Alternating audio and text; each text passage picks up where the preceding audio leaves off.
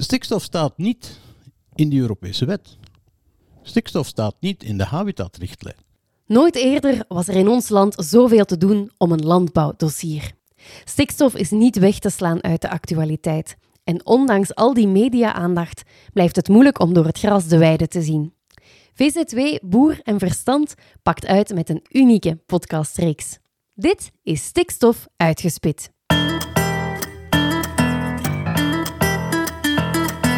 In de eerste aflevering leerden we meer over de evolutie van de landbouw in ons land en de plek in de maatschappij.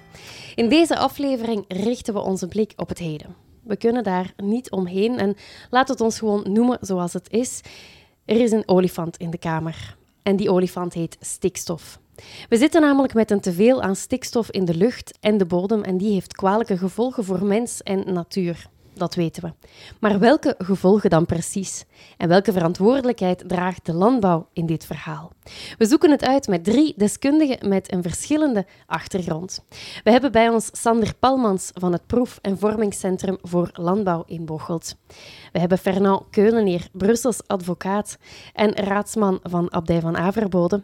En Lies Bernards, jonge varkenskweker uit Kalmthout, een regio waar het stikstofakkoord de gemoederen fel verhit. Welkom alle drie. Fijn dat jullie hier zijn. Sander, misschien moeten we gewoon eens bij het begin beginnen. Er wordt veel gesproken over stikstof, maar het blijft voor mensen die er verder vanaf staan een ingewikkelde kwestie.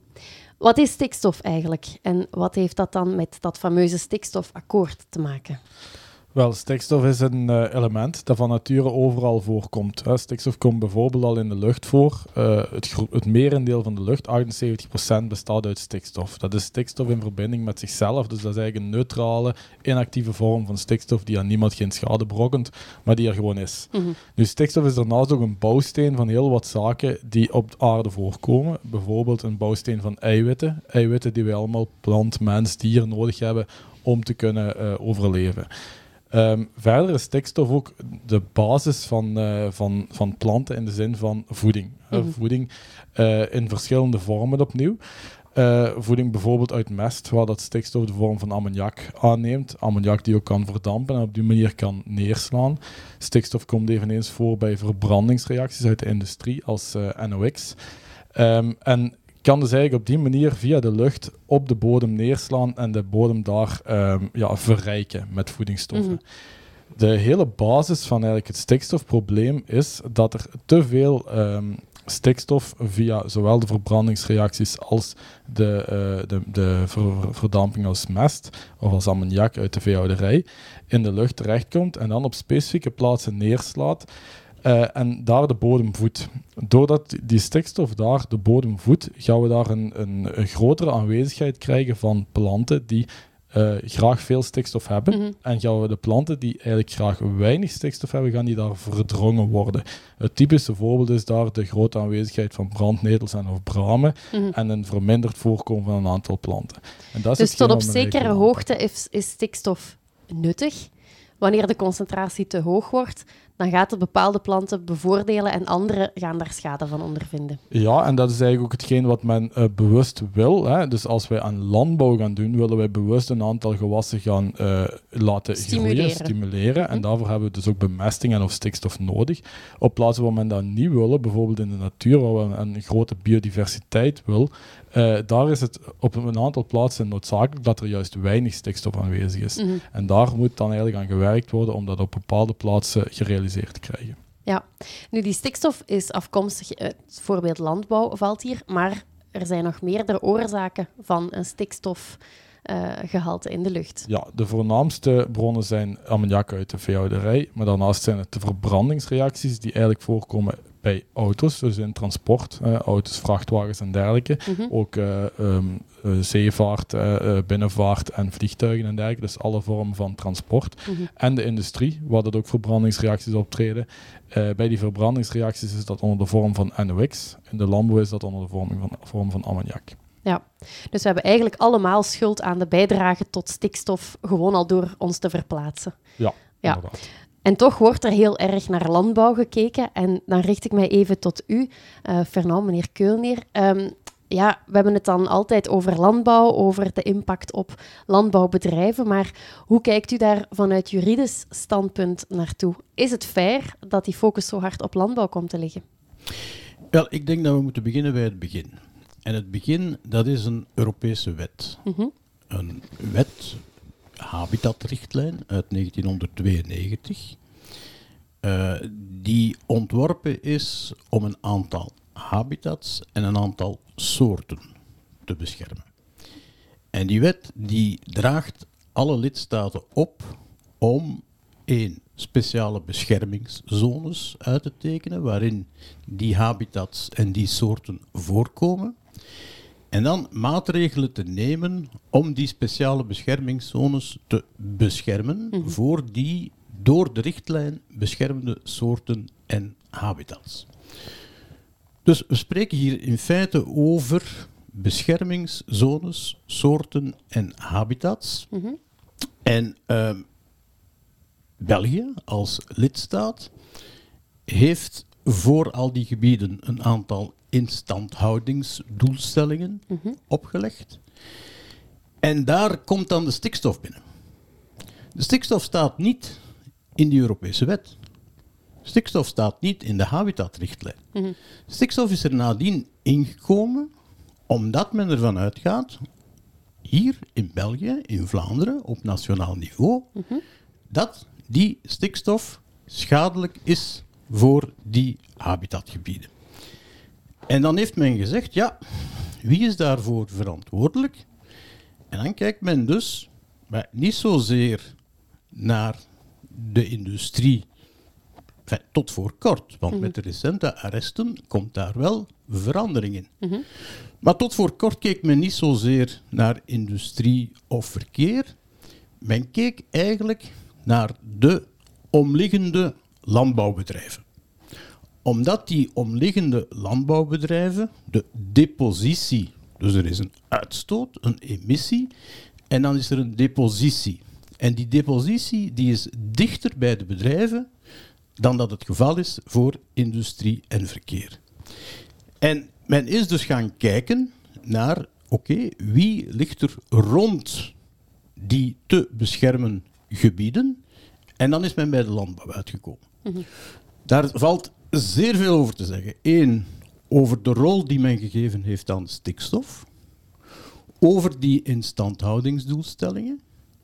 eh, over het feit dat men het allemaal geconcentreerd heeft op de landbouw. Dat volgt niet zomaar automatisch uit uw Europese wet, zoals men soms wel eens beweert. Want daar hoor ik u zeggen, Europa vraagt eigenlijk, zorg ervoor dat onze natuur bewaard blijft, dat die in goede gezondheid kan bestaan. Maar Europa zegt niet, fixeer u op stikstof en doe daar iets aan. Dat is de vertaalslag die wij hier in het land gemaakt hebben. Eh, alleszins wat betreft de habitatrichtlijn.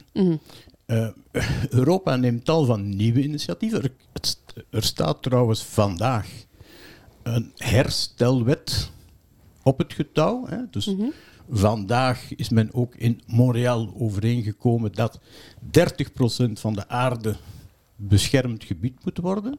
Er komt ook een EU-verordening waarbij dus 30% van het grondgebied van alle lidstaten beschermd gebied zal moeten zijn. En hoeveel procent is dat nu in België, weet u dat? Eh, ik denk, ik, ik moet het cijfer zoeken, ik denk dat we aan eh 21% of zoiets zitten, maar goed, Ja. ik zou het cijfer moeten opzoeken. Ja, en bescherming is nog iets anders dan herstelling. Hè? Ja, ja, Ja, absoluut. ja. Ja. Ja, absoluut. Dat is, effectief, eh, dat is effectief zo.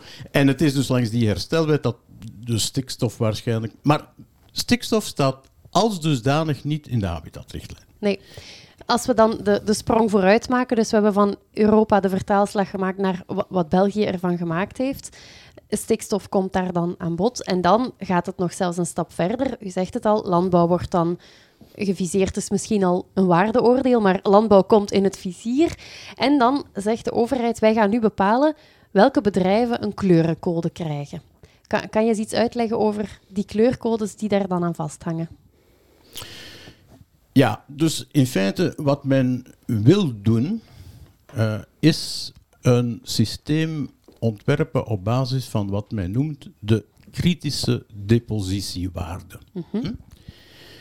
Men gaat dus voor elk gebied, voor elk gebied heeft men bepaald hoeveel stikstof dat gebied kan verwerken in functie van de soorten en de habitats die moeten beschermd worden. Ja. Dat noemt men de kritische depositiewaarde.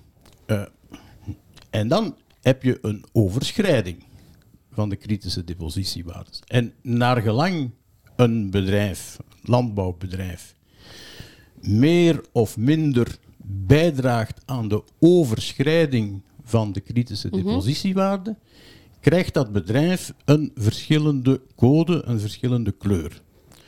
Dus een bedrijf dat voor meer dan 50% bijdraagt aan de overschrijding van de kritische depositiewaarde is een rood bedrijf. Nu, we spreken hier over de overschrijding van de kritische depositiewaarde. Maar men gaat niet kijken wie er verantwoordelijk Wie? is. Ja, wie, er, wie- wel, wie er verantwoordelijk is voor de huidige toestand. Dus we spreken eigenlijk alleen over een, Het bijdrage, ja. over een bijdrage tot het teveel Mhm. boven de kritische depositiewaarde. Ja, exact. Dus het zou perfect kunnen dat 90% van die waarde door omliggende industrie wordt bepaald. Maar het zal pas bij de overschrijding zijn dat de landbouw de prijs betaalt. Cru gezegd. Eh, dat is zeer juist. Eh, trouwens, trouwens eh, de percentages voor de bronnen van de stikstofdepositie zijn als volgt. Landbouw 40%, transport 8%, andere bronnen 3%, maar import vanuit het buitenland 49%. Dus het zou best kunnen dat stikstof nog altijd een probleem zou zijn in een habitatgebied als alle landbouw, landbouw. er verdwijnt. Ja. Sander, kan jij dan eens uitleggen hoe wordt dat dan precies gemeten? Wel, het wordt eigenlijk niet zo heel strikt gemeten. Het wordt voornamelijk gemodelleerd. Ehm, het is ook een heel moeilijk gegeven, want elk bedrijf, eh, of dat nu een landbouwbedrijf is of een industrieel bedrijf, dat stoot stikstof uit in een, ja, in een wolk, zal ik maar zeggen, Mhm. in de lucht. En eh, als het vandaag eh, de ene richting uitwaait en morgen de andere richting, komt die stikstof op een andere plaats Mhm. terecht. Dus men gaat dat eigenlijk modelleren op basis van gemiddelde weersomstandigheden, gemiddelde eh, vegetatie rondom een, eh, een bedrijf, een gebied. Dus dat is, dat is zeer moeilijk m- met metingen in, in kaart te brengen. Eh, en je zit dan ook met de, de specifieke situatie dat bijvoorbeeld een landbouwbedrijf dat voornamelijk ammoniak uitstoot, dat gaat veel eer lokaal uitstoten, omdat die ammoniak eh, lager bij de grond en aan lagere temperaturen En dan heb je het over veehouders. bij veehouders inderdaad. In de industrie, waar men op, met, op basis van verbrandingsprocessen stikstof uitstoot, zijn dat hoge temperaturen, vaak in hoge eh, schouwen en dergelijke, waardoor dat die wolk veel diffuser en verder verspreid zal Ja. worden. Ja, exact. We hadden die kleurcodes al aangehaald. Een bedrijf kan dan zich nu met, eh, met de huidige maatregelen ineens in een kleur oranje of zelfs rood bevinden. Wel, als ik daar even mag op eh, reageren. Graag. Er zijn nog geen maatregelen. Er is geen juridisch kader. Mhm. Eh, er is een politiek akkoord. En wat is het verschil? Wel, een politiek akkoord is geen norm, is geen rechtsnorm. Dat is een politiek akkoord, maar, maar, maar dat is geen juridische basis. Men kan Dat niet op is, basis zegt van u, een- niet afdwingbaar. Ah, natuurlijk niet. Maar dus men is nu bezig, of men probeert, één, om door die bezwaren te gaan. Hè, die bezwaren die door zeer veel bedrijven zijn ingediend tegen het stikstofakkoord, het politiek akkoord. En dan heeft men de bedoeling om een decreet, dus een Vlaamse wet, te schrijven, eh, waarin men dan hetgeen politiek overeengekomen is, zal omzetten in een juridische norm, in verplichtingen.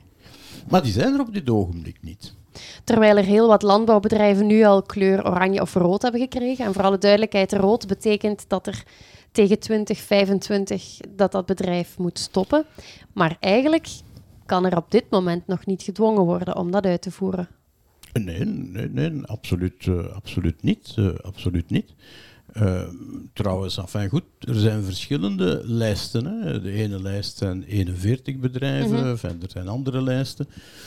Uh, men werkt dan met uh, kaarten uit uh, verschillende jaren enzovoorts. Dat, daar gaat nog heel wat moeten uitgesorteerd worden vooraleer men er gaat in slagen om een decreet te schrijven dat niet onmiddellijk door de rechtsinstanties ja. gaat worden vernietigd. Hè. Dat waterdicht is. Misschien moeten we het eens vragen aan iemand die in het veld staat, letterlijk en figuurlijk. Lies, jij bent ook landbouwer, jij bent varkenshouder. Jij bent ook dicht bij uh, de Kalmhoutse Heide gelegen. Dat betekent dat jij per definitie in de gevarenzone zit, of niet? Dat valt wel mee. Nog ik niet. zit uh, op een vijf kilometer in vogelvlucht van de Kalmthoutse Heide. Mm -hmm. dus, dus, jij bent nog groen momenteel? Niemand is groen meer, hè? Ja. En sorry, ik had nog... Ik vind die kleurencodes heel vervelend, dat daar Mhm. constant naar verwezen wordt. Want voor het moment staat boven elk bedrijf gewoon een heel groot vraagteken. Mhm. En ehm, ja, de, de rode, oranje en groene bedrijven dateren eigenlijk- uit 2015. En nu is men daarop teruggegaan, Mhm. maar nu is geen enkel van die bedrijven meer groen. Of misschien ten uitzondering die echt op een 20 kilometer van zo'n speciale beschermingszone. Op welke manier impacteert deze hele stikstofkwestie jouw bedrijfsvoering? Goh, bij mij persoonlijk best wel hard. Ehm, ik heb het bedrijf van mijn ouders overgenomen. En ehm, de, de zeugenstal is van 1985 en ik was echt van plan van die te vernieuwen. Mhm. Dus ik heb een plan meer laten opstellen. En ik heb dat ingediend ehm, ja, dit jaar in februari, een drietal weken... Of, eh, excuseer. Ik heb dat ingediend eh, in 2021, een drietal weken voor het stikstofarrest. En daardoor is dus alles on hold gezet, terwijl dat er echt wel vernieuwing nodig is op mijn bedrijf. Mhm. En ik heb totaal geen idee. Je kan niet verder en je Nee. weet ook zelfs niet wanneer dat dan wel het geval zal zijn. Nee, en ook eh, er wordt niet verder gekeken. De bevoegde minister heeft al een aantal keer herhaald dat ze in eh, 2045 strenger zal moeten zijn. Mhm. En ze heeft ook echt al gezegd, we moeten nu extra streng zijn om de jonge landbouwers toch 10 à 15 jaar zekerheid te geven. De investeringen die ik van plan was, dat gaat over een 2 miljoen euro Mhm. in 2021, dus daar is nog ruim 10% bijgekomen aan in. Ehm, dus eh, ik ga dat op die 10, 15 jaar niet terugbetaald krijgen die ehm, de bevoegde minister voor ogen heeft, wat zij Ja. voldoende rechtszekerheid vinden. Dus ik zie ook niet in wie dat mijn project gaat financieren. En ik denk dat zo heel onze landbouw eigenlijk Ja. ja, wat in het slop zit. Waardoor eigenlijk een volledige sector on hold wordt gezet. Ja, dat is juist. Eh, en bovendien, één, op mijn zinziens, ik ben geen wetenschapper, maar enfin, ik vergelijk wel studies op onwetenschappelijke basis.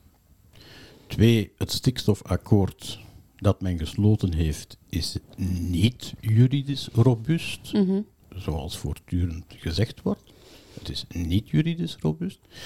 Dat wordt trouwens bewezen door de twee laatste arresten van eh, de Raad voor de Vergunningsbetwistingen, die eigenlijk de bodem uit het stikstof van onder het stikstofakkoord wegslaat. Mhm. Dus dat stikstofakkoord is totaal achterhaald en onwerkbaar. Dat, dat moet op dit ogenblik afgevoerd worden. Men moet opnieuw naar de tekentafel met alle betrokkenen en men moet de oefening herbeginnen. Dat, dat hoeft allemaal niet zo lang te duren. Er is al heel veel voorbereidend werk gedaan. Eh, er zijn ideeën, maar het moet allemaal wel een beetje ernstig blijven. Ja. En dat is het op dit ogenblik niet meer. En waarom is dat dan dat er vanuit de politiek zo wordt vastgehouden aan iets dat dan op dit moment juridisch nog niet eh, waterdicht gemaakt is en wat misschien ook niet eens meer relevant is? Er zijn daar natuurlijk waarschijnlijk een aantal politieke overwegingen eh, voor, maar die ga ik terzijde laten. Maar twee, ik moet toch vaststellen dat niet alleen de politiek, maar ook de sectororganisaties, de belangengroepen, een onvoldoende kennis hebben van de juridische realiteiten. Mhm.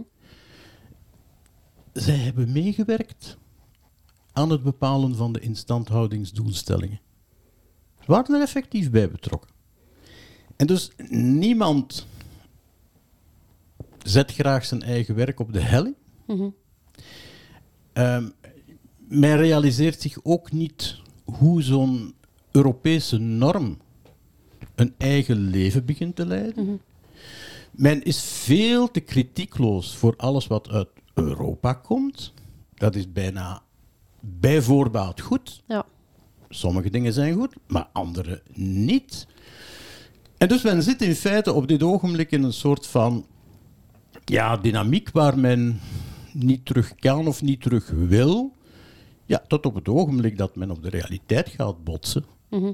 En ja, ik, ik, ik weet wat het resultaat zal zijn. Dit, dit stikstofakkoord gaat grondig moeten herbekeken en herdacht worden. Mhm. Omdat het juridisch niet steekhoudend is en omdat het ook niet wetenschappelijk is. Sander, wat is jouw kijk daarop? Ja, ik denk dat eh, meneer Keuleneer gelijk heeft. ehm, eh, in de zin dat er. eh, ik, ik heb altijd een beetje het gevoel erbij dat men zichzelf bepaalde doelstellingen heeft, heeft vooropgesteld. En wie bedoel je dan met men de, zichzelf? De, de, de politiek, misschien de, de belangenorganisaties inderdaad zelf ook wel. Ik, ik ben te jong om te weten wie daar destijds allemaal bij betrokken geweest is.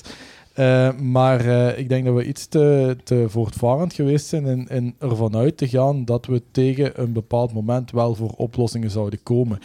Ehm, eh, ik, ik vergelijk dat een beetje met, met heel het, het energieverhaal bijvoorbeeld. Hè. Daar, daar heeft men ook heel lang de bal voor zich uitgespeeld, weinig initiatief genomen en, en uiteindelijk er altijd wel van uitgegaan, we gaan er wel geraken, Mhm. totdat de deadline wat dichterbij begint te komen en we ons gro- grote zorgen beginnen te maken. En eigenlijk is dat hier ook een beetje aan het gebeuren, waarbij dan ook nog ehm, er een, een zodanige wildgroei is aan eh, ja, juridisering of, of arresten, of, of ik weet niet hoe ik het juist moet noemen, waardoor dat we ons ja, een beetje aan het vastrijden zijn. En op dat, dat vlak hebben we misschien een voorbeeld, of een het voordeel, sorry, dat we eh, niet de eerste in de klas zijn. En dan kunnen we altijd naar Nederland kijken, waar dat die arresten zichzelf in snel tempo opvolgen. En we eigenlijk, ja, voor- zeker vanuit wetenschappelijk oogpunt, ja, je daar maar in staat te kijken en niet goed weet waar je naartoe moet. Mhm. Ik was in juni op een eh, eh, studiedag over ehm, de problematiek.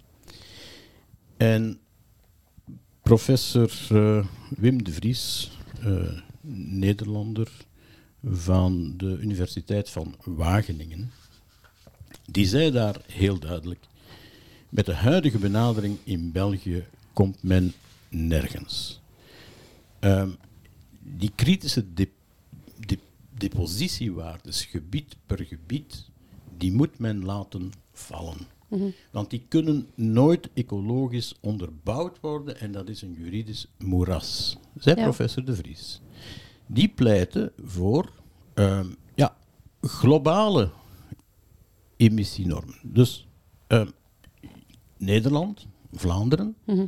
bij zoveel emissie, wat, wat ook de bron is, wat ook de bron is, We delen dezelfde lucht, tenslotte.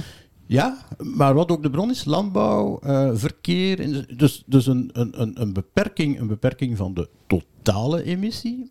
En dus niet langer gebaseerd op die kritische depositiewaardes gebied Per per, gebied. gebied. Ja. Ja, het is inderdaad ook nog eens zo dat er dan in Vlaanderen en in Wallonië ook nog anders wordt gekeken. Eh, we blijven maar één groot, eh, groot Europees verhaal versnipperen in kleine onderdelen.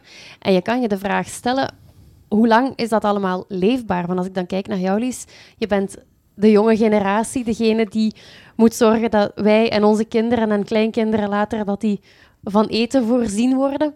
En toch maken we het heel erg moeilijk met allerlei regels. Hoe leefbaar is voor jou de boerenstiel? Ja, er is inderdaad geen gelijk speelveld meer. Dus ehm, in Vlaanderen zijn we het de landbouw wel heel moeilijk aan het maken, geloof ik. Ehm, ik kan daar niet goed voor mijn collega's spreken, maar ik eh, ja, merk nu wel om mij heen dat er heel veel ja, iets oudere landbouwers hun kinderen echt, echt afraden Mhm. van het over te nemen. Ehm, ja, mensen die normaal gestart zouden zijn en die na school toch gaan werken en die zeggen van ja, we zien wel wat er uit de bus komt, maar we gaan er voorlopig niet Mhm. mee in het bedrijf stappen. En jij hebt wel de stap gewaagd. Juist van tevoren, hè. Ja. Dus anders... Nee, eh, ik kan echt vlak af zeggen als er dat stikstofarrest en ehm, ook het stikstofakkoord was geweest op het moment dat ik was afgestudeerd, ik was niet in de sector gestapt. Maar Lies, er wordt ook veel, worden ook veel onjuiste dingen verteld over het stikstofarrest. Ja, ik dus weet onze het, maar... minister, onze, minister zegt, onze minister zegt dat het stikstofarrest zegt eh, dat er een volledige vergunningsstop gaat zijn als het stikstofakkoord niet wordt. Dat is niet waar. Dat staat daar niet in. Het enige wat, het stikstof, wat de stikstofarresten in het meervoud stellen, dat is dat er een, wat men noemt in het jargon en in, in de richtlijn ook, een passende beoordeling moet worden opgemaakt. En de minister gaat er nog altijd van uit eh, dat onder bepaalde drempels hm, er geen passende beoordeling nodig is. Het is de minister die door de stikstofarresten wordt teruggefloten. Het stikstofakkoord, die nog altijd met die drempels werken, is ook op dat punt achterhaald. Maar de rechtspraak zegt niet, de rechtspraak zegt niet dat er nooit meer een vergunning kan komen. De rechtspraak zegt er moet een passende beoordeling zijn en de rechtspraak steunt zich daar inderdaad op die Europese wetgeving, de Vlaamse wetgeving. Die is wat ze is, die nooit had moeten zijn wat ze is. Maar goed, die is wat ze is. Maar, Maar voor Lies is het resultaat wel dat Lies op pauze staat. Ja, ehm, zo ervaar ik dat. Mhm. Maar ik volg meneer Keulner wel volledig dat het arrest ehm, heel breed geïnterpreteerd is door de minister. Dat, Mhm. dat het echt enkel gaat over die passende beoordeling, die ik trouwens wel had gemaakt in mijn plan. Maar ja, en, en meneer Keulner zegt het dien maar in en, en je kunt nog stappen ondernemen. Maar ik ben maar een simpele boer. hè. Ik, ik, ik heb die tools niet in handen om die stappen te Jij zetten. alleen kan niks beginnen, verder. Ik zie dat ook gewoon niet zitten. Mhm. Allee, Ja, logisch.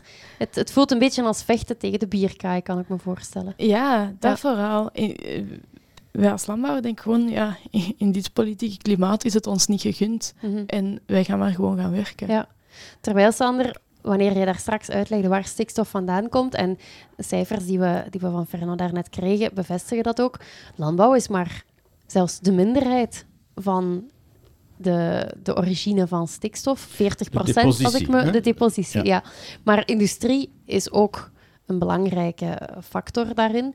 Wordt er voor industrie ook met strengere normen gezwaaid?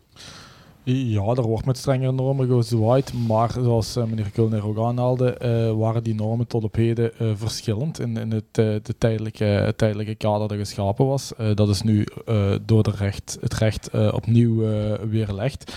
Ehm, dus dat zal, dat zal in de toekomst waarschijnlijk ook anders zijn, maar het is opnieuw... Eigenlijk ja, weten we vandaag nog altijd niet wat het gaat zijn. Eigenlijk vandaag Mhm. zitten wij gewoon in een situatie waarin dat niemand vooruit kan. Nog Mhm. industrie, nog landbouw, nog ja, Ja. eh, grote infrastructuurwerken in feite.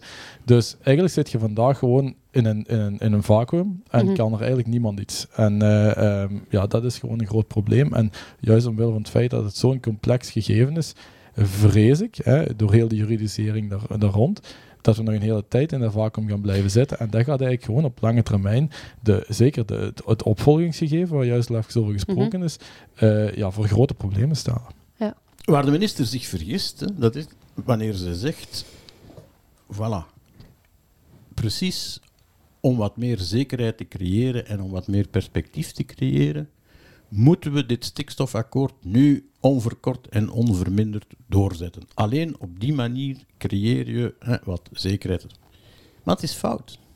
Dat is fout.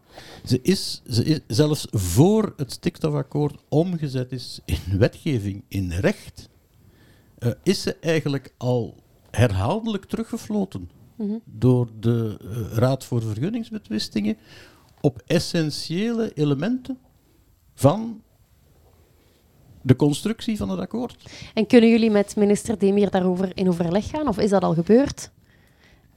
Is, staat dat... Ik, ik heb niet de hoedanigheid om daarover met de minister... Maar als, als sector, heeft de sector zich al rechtstreeks tot haar gericht, bijvoorbeeld? Ze is, er, ze is er nogal trots op dat ze niet spreekt met Boerenbond. Dus Mhm. eh, moeilijk. Moeilijk. Terwijl communicatie in complexe thema's als dit net soelaas zou kunnen brengen. Goh, ik denk vooral ook dat is- het uitgangspunt moet sowieso zijn dat die stikstofdeposities naar beneden moeten. Mhm. Dat we die natuur moeten beschermen in die zones. Maar een van de uitgangspunten mag denk ik toch ook wel zijn dat we nog een leefbare landbouw willen. Mhm. En gewoon dat uitgangspunt, daar, daar zijn we het al niet over eens, geloof ik. Maar dat zijn zeker niet haar woorden die ik quoteer. En pas op, hè, zoals ik zei, er komt binnenkort een...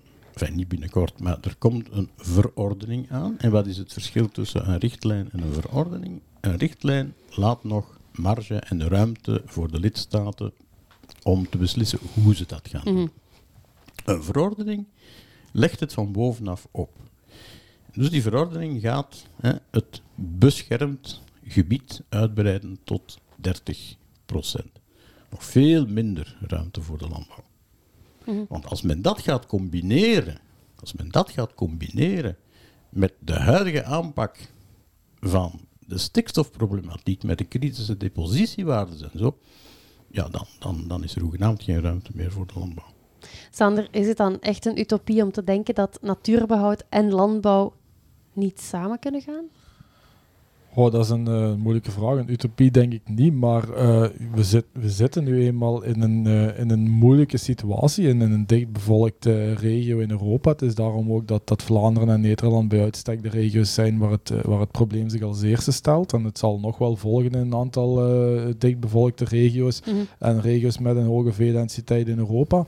Ehm, maar eh, ja, het is, het is in die regio's om, omwille van die grote aanwezigheid van zowel mensen als veehouderij, dat het gewoon moeilijk zal zijn.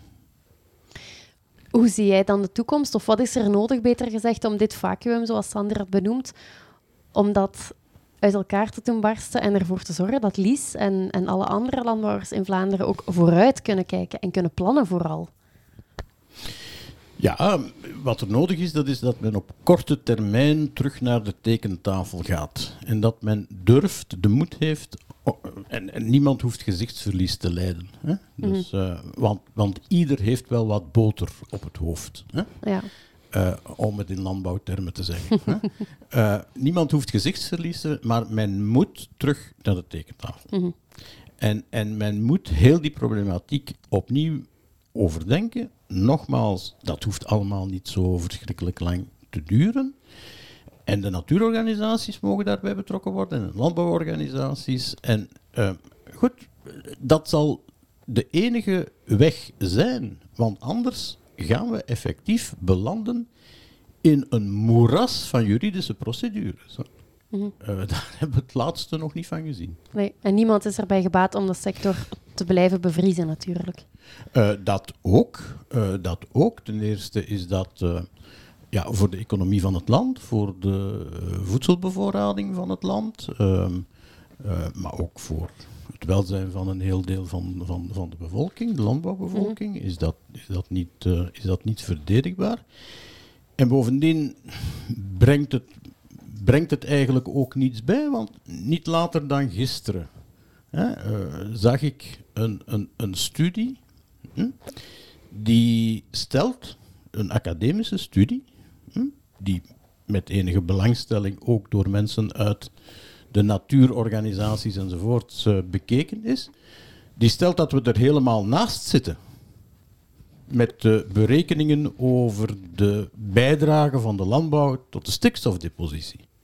Dus dat het minder erg gesteld is dan stu- aanvankelijk Wel, gezegd. die studie stelt dat bijvoorbeeld verkeer veel belangrijker is. Mhm. Ja, het ging specifiek over eh, de ammoniak-emissies en de ammoniak die in de lucht hangt. Mhm. Hoeveel dat de veeteelt daaraan bijdraagt en hoeveel dat eh, ja, verbranding, Mhm. dus ehm, in allerlei processen, zowel door industrie Verkeer, als productie, ja. verkeer, ehm, dat van de ammoniak die in de lucht hangt, wat nu verondersteld wordt dat die grotendeels uit de landbouw Mhm. afkomstig is in Europa, een, een 44% maar er zat een grote foutenmarge op, afkomstig is uit verbranding, dus niet uit landbouw. Dat is natuurlijk nog niet vertaald naar Vlaanderen, waar dat we met een Nee. heel hoge veedichtheid misschien wel met andere cijfers zitten. Mhm. Maar de, En waar jouw lever er dus ook anders zou uitzien. Mochten die correctere calculaties gemaakt worden. Ja, en sowieso, alles wordt gemodelleerd, maar het model is ook helemaal niet gecalibreerd en gevalideerd. Ja, calibratie wel, maar het model is ook niet gevalideerd. Dus Mhm. het is sowieso nogal veel ja, met natte vinger. S- Sander, is dat iets wat jij herkent?